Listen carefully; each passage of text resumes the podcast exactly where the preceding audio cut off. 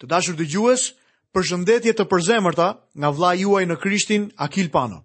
Ju uroj mirëseardhjen në emisionin e sotëm. Ju kujtoj që jemi duke studiuar në kapitullin e 12 të Ungjillit sipas Lukës dhe në këtë kapitull do të gjejmë të renditura një sërë shëmbëlltyrash të ndara nga Zoti ynë Jezu Krisht. Mësimin e sotëm do ta hapim me shëmbëlltyrën të quajtur shëmbëlltyra e budallait të pasur. Do lexojmë në kapitullin e 12 të Ungjillit sipas Lukës, nga vargjet 16 dhe 17. Dhe ai u tha atyre një shëmbëlltyrë. Tokat e një pasaniku dhanë të korra të bollshme. Dhe ai arsyetonte me vete duke thënë: Ç'të bëj? Sepse nuk kam vend ku t'i shtie të korrat e mia. Vini re, theksin e fjalës unë. Në këtë pasazh ai thotë: Çfarë duhet të bëj unë? Sepse nuk kam vend ku t'i shtie të korrat e mia. Le të shohim më poshtë vargjet 18 deri në vargun 21. Dhe tha, këtë do të bëj, do të shemb hambarët e mia dhe do t'i bëj më të mëdhenj, ku do të shtie të gjitha të korrat dhe pasuritë e tjera, dhe pastaj do t'i them shpirtit tim, shpirt, ti ke pasuri të shumta, të shtëna për shumë vjet, pusho, ha, pi dhe gëzo.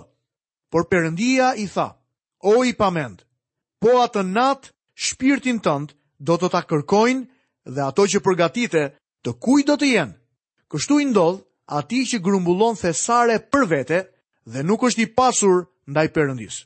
Ky njeri i kishte mbledhur të gjitha thesaret e tij në tokë, por nuk kishte ruajtur asgjë për në qiell.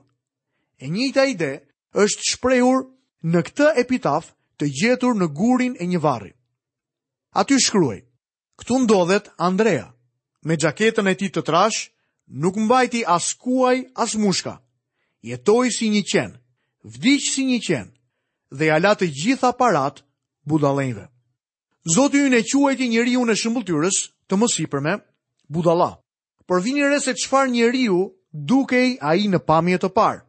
Pamja e tij e jashtme na tregon se ai ishte një njeri i mirë, një qytetar që jetonte sipas ligjeve në fuqi, një fqinj i mirë dhe jetonte një jetë të mirë në zonën rezidenciale të qytetit.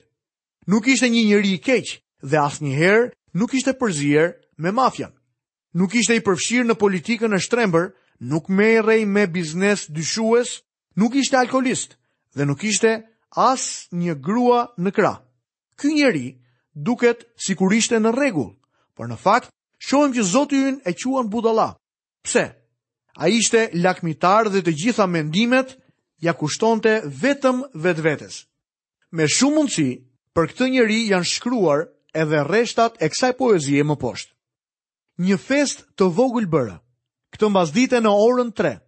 Aq e vogël festa ime ishte, sa të ftuarit ishin vetëm 3. Vetëm unë, vetja ime dhe vetvetja. Vetja ime sanduiçët hëngri. Ndërkohë që çajin piva, unë isha ai që hëngri byrekun dhe i pasova kekun vetvetes. Shumë njerëz jetojnë në këtë mënyrë. Shëmbëlltyra e budallait të pasur është një nga paragrafët më të mprehtë të fjalës së Zotit. Filozofia e botës së sotme është ha, pi dhe martohu sepse nesër do të vdesësh. Zoti ynë tha, ky është problemi. Ja se çfarë e bën një njeri budalla. Nëse jeton duke e menduar se jeta është gjithçka që ke dhe jeton vetëm për vete duke menduar që nuk ka asgjë pas vdekjes, nuk je gjë tjetër veçse një i marrë. Lexojmë më poshtë nga vargjet 22 deri në vargun e 24. Pastaj Jezusi u tha dishepujve të vet: Prandaj po ju them, mos u shqetësoni për jetën tuaj se çfarë do të hani as për trupin tuaj se çfarë do të vishni. Jeta vlen më shumë se ushqimi dhe trupi më shumë se veshja.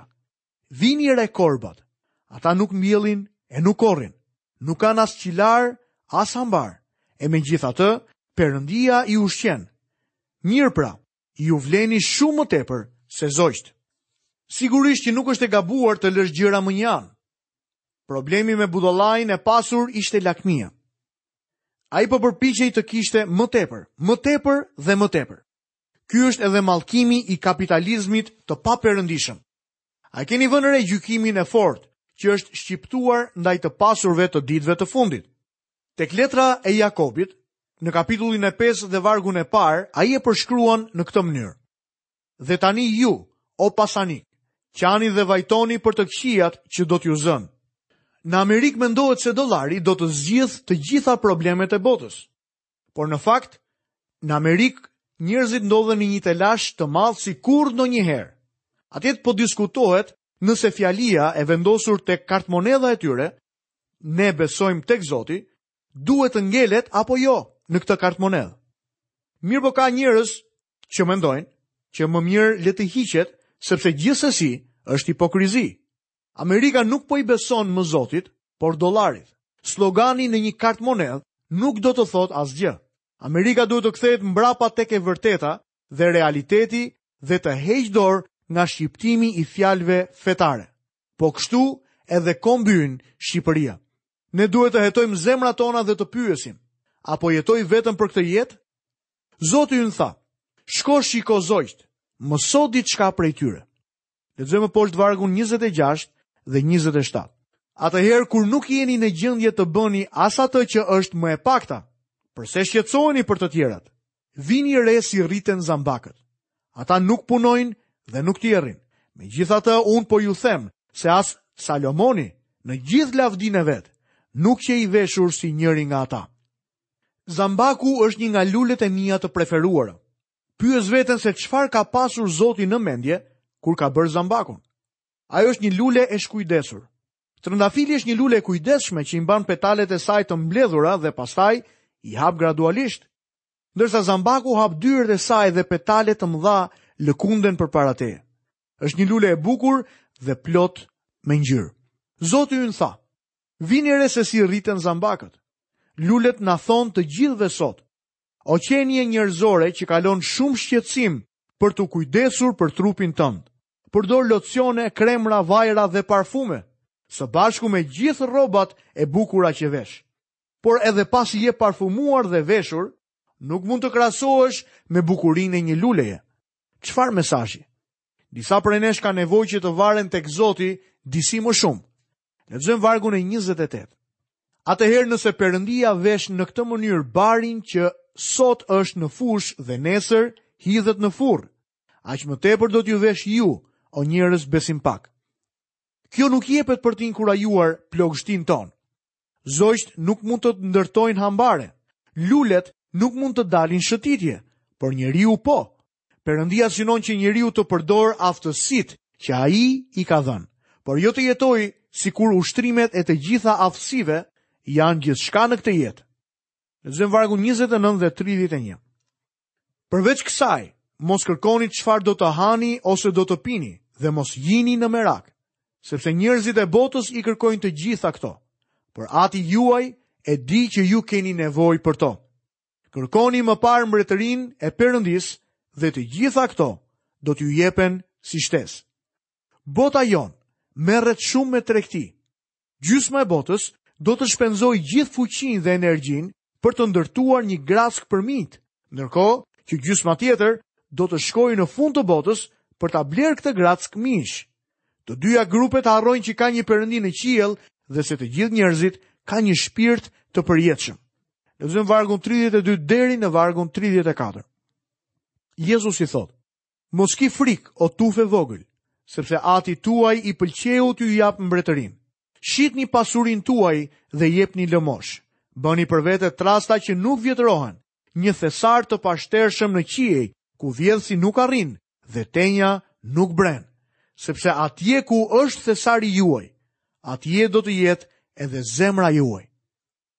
Të gjithë njerëzit do të qëndrojnë një ditë para prezencës së mrekullueshme të Zotit, të zhveshur nga gjërat materiale me të cilat janë marrë gjatë jetës së tyre këtu në tokë. Këta njerëz nuk do të kenë thesare atje lart në qiell. Ata vendosën të jetojnë pa Zotin në tokë dhe do të vdesin po pa Zotin. Shëmbëlltyra e kthimit nga dasma. Le të shohim Zotin Jezu Krisht, i cili dha dy shëmbëlltyra në lidhje me kthimin e tij. Lexojmë në kapitullin e 12 të Lukës, vargjet 35 deri në vargun e 40. Jezusi tha: Le të jenë ngjeshur ijët tuaja dhe llampat ndezur. Ngjajini atyre që presin zotërinë e tyre kur kthehet nga dasma, për t'ia hapur derën sapo të vijë dhe të trokasë. Lum ata shërbëtorë që zotëria kur të kthehet do t'i gjejë zgjuar. Në të vërtetë po ju them se ai vetë do të ngjeshet dhe do t'i vendosë ata në tryezë dhe ai vetë do t'u shërbejë. Dhe nëse do të vijë në të dytën a në të tretën rojë të natës dhe t'i gjejë kështu, lum ata shërbëtorë. Por ta dini këtë, se po ta dinte i zoti i shtëpisë, në cilën orë i vjen vjedhësi, Do të rrinte zgjuar dhe nuk do të linte t'i shpërthenin shtëpinë. Edhe ju pra, jini gati sepse biri i njeriut do të vijë në atë orë që nuk e mendoni. Edhe pse kjo shëmbëlltyrë së pari i adresohet Izraelit dhe ardhjes së dytë të Krishtit për të themeluar mbretërinë e tij mbi tokë, ky princip i drejtohet edhe kishës, ndërkohë që pret ardhjen e tij për rrëmbimin e saj. Në lindje, një dhëndër kalon një darkë dasme me miqtë e tij. Pastaj shkojnë për të kërkuar nusen e tij në shtëpinë e saj. Shërbëtorët e dhëndrit duhet të jenë veshur për të punuar dhe t'i kenë llampat e tyre gati. Besimtarët në kthimin e Krishtit duhet të jenë gati duke ngjeshur ijët e tyre, duke bërë gjithçka që mundin për të dhe duke jetuar me pritjen e ardhjes së tij. kur ilustrimi ndryshon nga dhëndër në vjedhës, bëhet për të theksuar elementin e një shfaqje të papritur. Apostulli Pal në Dhiatën e Re përdor të njëjtën formë të foluri për ardhjen e dytë të Krishtit në letrën e parë të Selanikasve, kapitulli 5 dhe vargu i dytë, ku ai na tregon. Sepse ju vetë e dini shumë mirë se dita e Zotit do të vijë si një vjedhës natën. Gjithsesi, Zoti nuk do të vijë si vjedhës për të rrëmbyer kishën, por ne do të ngrihemi ta takojmë atë në ajër. Le të vështrojmë më poshtë testimin e shërbëtorëve në dritën e ardhjes së Krishtit. Lexojmë nga vargu 42 dhe 43. Dhe Zoti tha: Kush është pra ai administrues besnik dhe i mençur, që do ta verë zotëria përmbi shërbëtorët e vet për t'u dhënë atyre racionin e ushqimeve në kohën e duhur. Lum ai shërbëtor, të cilin zotëria e tij kur kthehet, e gjen se vepron kështu. Kjo është një nga shëmbëlltyrat e famshme që na mëson përgjegjësinë tonë në dritën e ardhjes së Zotit. Sërish, kjo shëmbëlltyrë është së pari për Izraelin, por principi zbatohet edhe për ne si besimtarë, ndërkohë që presim rrëmbimin e kishës. Shumë njerëz mendojnë se Zoti do të vijë shumë shpejt, Kështu në vend që të punojnë, rrinë dhe presin. Ne duhet të punojmë njëlloj sikur Zoti të mos vinte as për një mijë vitet e ardhshme. Le ta lëmë këtë çështje të vendosjes së datës së ardhjes së tij, që meqë ra fjala unë besoj që do të jetë shumë shpejt dhe të bëhemi gati. Shpresa e bekuar është ardhja e Krishtit, Zotit tonë, dhe ne duhet të mbushim arkat tona të shpresës me punë, që një ditë ne të mund t'i lëmë në këmbët e tij. Lexojmë më poshtë vargjet 44 deri në vargun 46. Në të vërtetë po ju them se ai do ta verë mbi gjithë pasurinë e vet. Por nëse ai shërbëtor mendon në zemër të vet, zotëria im vonon të kthehet dhe fillon të rrahë shërbëtorët dhe shërbëtoret, të hajë, të pijë dhe të dehet. Zotëria e atij shërbëtori do të vijë ditën kur nuk e pret dhe në orën që ai nuk e di, do ta ndëshkojë rëndë dhe do t'i caktojë fatin me të pabesët. Kjo shëmbëlltyrë na mëson dy mësime të rëndësishme. Skepticizmi në lidhje me ardhjen e Zotit sërish prodhon së pari shpërdorim të autoritetit dhe së dyti dembelizëm në sjelljen e dikujt. Ne duhet të jetojmë në pritje të kthimit të tij. Jetët tona duhet të jetohen sikur Zoti të shfaqej nga momenti në moment. dhe ne do të na duhej të jepnim llogari për veten tonë. Në të vërtetë, atë ditë kur Zoti Jezus të vijë, ne do t'i japim llogari. Lexojmë vargjet 47 dhe 48. Shërbëtori që e dinte vullnetin e zotërisë së tij dhe nuk u bë gati e nuk e kreu vullnetin e tij, do të rrihet shumë, por ai që nuk e dinte, po të bëjë gjëra që meritojnë të rrahura, do të rrihet më pak. Kujt iu dha shumë, do t'i kërkohet shumë, dhe kujt iu besua shumë, do t'i kërkohet më shumë. Ndoshta, Zoti Jezus nuk do të vijë nesër ose pasnesër, por një ditë, ai me siguri është në ardhjen e tij. Prirjet tona janë që t'i lëmë gjërat të flenë për shkak se Jezusi nuk është shfaqur akoma. Ne mendojmë se po merremi me shumë gjëra, por në realitet nuk po merremi me asgjë. Në atë ditë kur Zoti Jezus të vijë, të gjithë do dalim përpara gjykatës së tij. 2 Korintasit 5 vargu 10 na tregon, sepse ne të gjithë duhet të dalim para gjyqit të Krishtit, që secili merr shpagimin e gjërave që ka bërë me anë të trupit, në bazë të asaj që ka bërë, qoftë në të mirën apo në të keqen. Kush ne? Ne të krishterët duhet të dalim përpara fronit gjykues të Krishtit. Gjykimi ynë nuk do të përcaktojë nëse jemi apo nuk jemi të shpëtuar. Ky është dallimi. Ky nuk do të jetë një gjyq penal, por një gjykim ku pronat tona do të vihen në rrezik. Ai do të na gjykojë për të parë nëse jemi apo jo të vlefshëm për të marrë shpërblim. do të ketë nivele shpërblimesh për besimtarët, ashtu siç do të ketë nivele dënimesh për jobesimtarët. Le të shohim më poshtë Jezusin, i cili deklaron që është një ndarës i njeriut. Madje edhe në këtë orë, kur bota po provon errësirën më të thellë gjatë këtyre 20 shekujve, Zoti Jezu Krisht po blasfemohet nga njerëzit. Zjarri është përhapur në tokë sot. Lexojmë vargun e 50. Tani unë kam një pagëzim me të cilën duhet të pagëzohem dhe jam në ankth derisa të kryhet. Ky varg flet për vdekjen e Krishtit mbi kryq. Shohim më poshtë vargun 51 deri në vargun e 53. A kujtoni se erdha të sjell paqen mbi tokë? Jo po ju them, por më shumë përçarjen, sepse tash e tutje, pesë veta në një shtëpi do të jenë të ndarë, tre kundër dyve dhe dy kundër treve.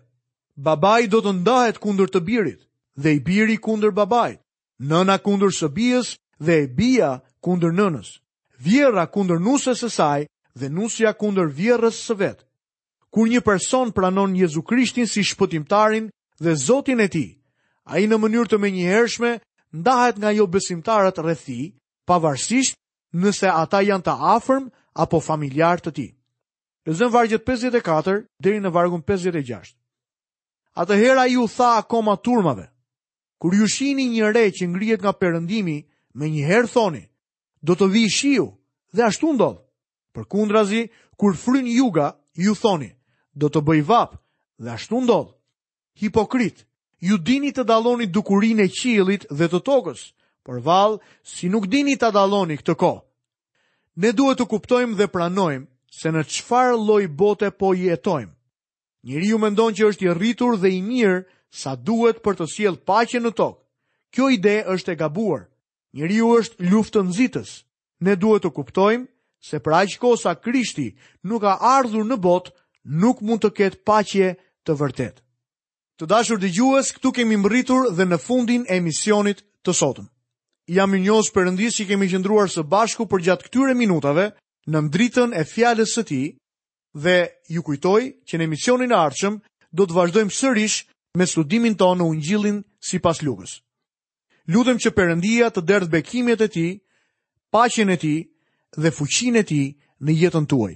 Nga unë vëllai juaj në Krishtin Akil Pano, paçi bekimin e Zotit në jetën tuaj. Bashkë mirudëgjofshim në emisionin e ardhshëm.